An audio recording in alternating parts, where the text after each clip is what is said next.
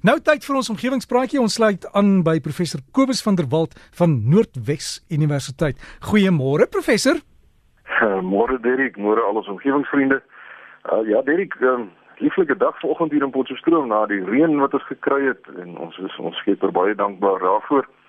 Wyd gereën en uh, uh dit lyk of dit nog nie klaar is nie. So wonderlik uh en vars vanoggend hier in Potchefstroom.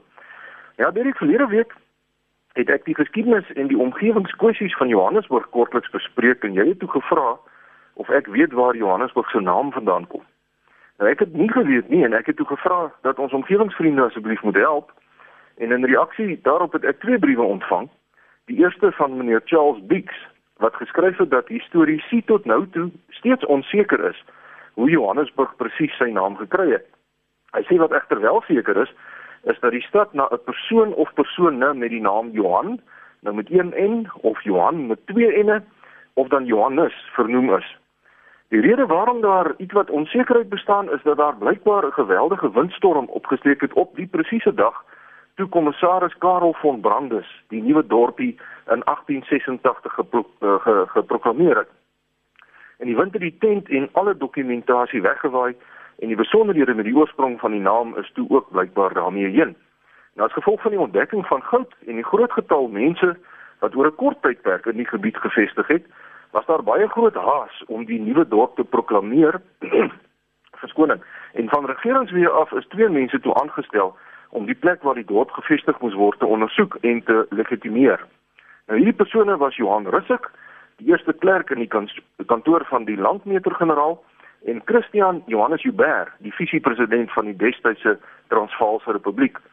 Nou die eerste regeringsamptenaar wat in die omgewing aangestel is, was uh, blykbaar 'n veldkornet met die naam Johannes Meyer en die eerste persoon wat as distriksgeneesheer aan die rand aangestel is, was 'n dokter Hans Sauer. En toe daar jare later vrae oor die herkoms van die naam Johannesburg ontstaan het, het dokter Sauer blykbaar gesê dat Russet Joubert en Meyer al drie 'n variasie van die naam Johan gehad het en dat die dorp en die latere stad na die drie mense of dan ten minste twee van die drie persone vernoem is. Die staatsprokureur op daardie stadium Dr. W.J. Luyks en die president, uh, president Paul Kruger het beide ook die naam Johannes as een van hulle doopname gedra. Maar dit is is onwaarskynlik dat die keuse van die naam Johannesburg enigsins na hierdie persone verwys. Meneer Biek sê dat verskeie strate in Johannesburg vandag nog die name dra van al die persone wat destyds 'n rol gespeel het. En en dit is natuurlik Russekstraat, Joubertstraat, Meyerstraat en en en so aan. Hy sê dit is interessant om te weet dat daar in Kalifornië in Amerika ook 'n plek is met die naam Johannesburg. Hierdie Johannesburg is naby Randsburg in die omgewing van die Rand Mountains aan die Weskus van Amerika geleë. En daar is ook goud ontdek. En na alle waarskynlikheid is die Amerikaanse Johannesburg na ons Johannesburg hier in Suid-Afrika vernoem.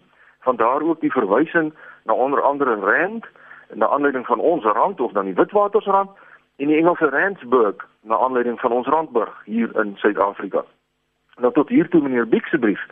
Nou hierdie weergawe van gebeure word bevestig deur 'n tweede brief wat ek ontvang het en wel van meneer Colin Heymans wat vir my 'n afskrif van 'n boek gestuur het met die titel The Gold Miners geskryf deur AC Cartwright wat in 1962 gepubliseer is.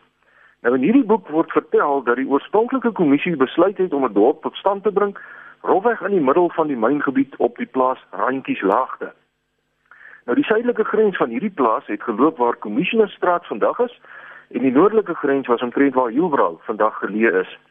En toe Johan Russet, die eerste klerk in die kantoor van die landmeter-generaal, en Christian Johannes Joubert, die visiepresident van die destydse Transvaalse Republiek, toe na president Paul Kruger toe gegaan het om verslag te doen oor die mynbedrywighede en die nuwe dorp, toe het die president vir Christian Joubert gevra wat die nuwe dorp se naam moet wees.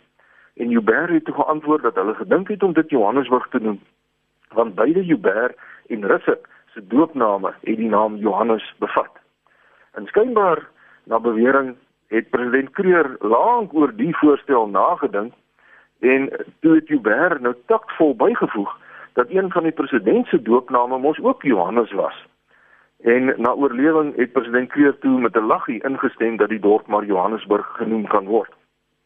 Nou hierdie weergawe van hoe Johannesburg aan sy naam gekom het, is baie jare later ook bevestig deur ene GR von Wielig wat lank die opmeter-generaal van Suid-Afrika was en dit is ook in 'n amptelike dokument bevestig deur die destydse ondersekretaris van buitelandse sake wat 'n navraag van die Switserse konsul-generaal in 1896 skriftelik beantwoord het met die woorde en ek haal aan I have the honor to inform you that the town was named after Mr. Johan Russak, the present surveyor general, who, when the town was laid out, was chief clerk to the department of the surveyor general, and through whom the townships the township stands were surveyed, and also after Mr. Christian Johannes Hubert, the head of the mines department. Now, President Paul Creer se naam is nie in die amptelike antwoord aan die Switsers genoem nie omdat hy na bewering nie sy naam geassosieer wou gehad het met 'n spesifieke dorp nie.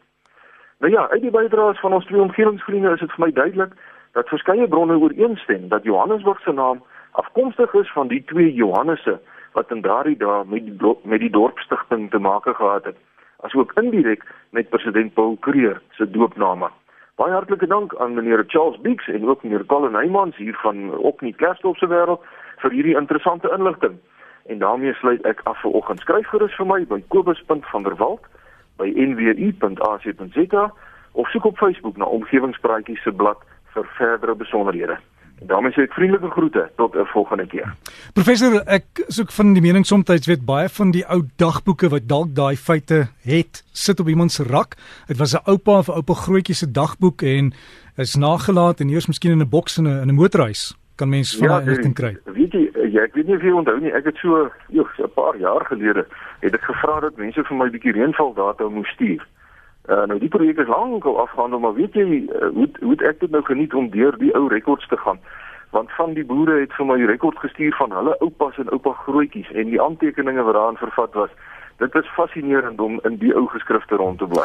Ja, en professor nou, so jy's oor Johannesburg. Ek ek sit al lankal en dink jy weet as mense ou foto's of jy weet die negatiewe, daai groot negatiewe het van Johannesburg en dit wil weggooi. Moet dit nie weggooi nie. Gooi dit in 'n koevert en pos dit vir my by RSG en jy gaan dit nie terugkry nie want ek sal dit mooi bewaar en ek sal dit skandeer en kyk hoe lyk die ou Johannesburg. Maar die goed is dis 'n storie, professor.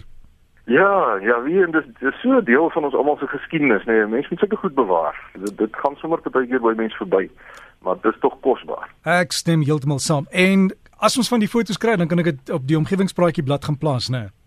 Ek sal self kyk daarna, Derek. en hoe gaan dit met die omgewingspraatjie bladsy goed?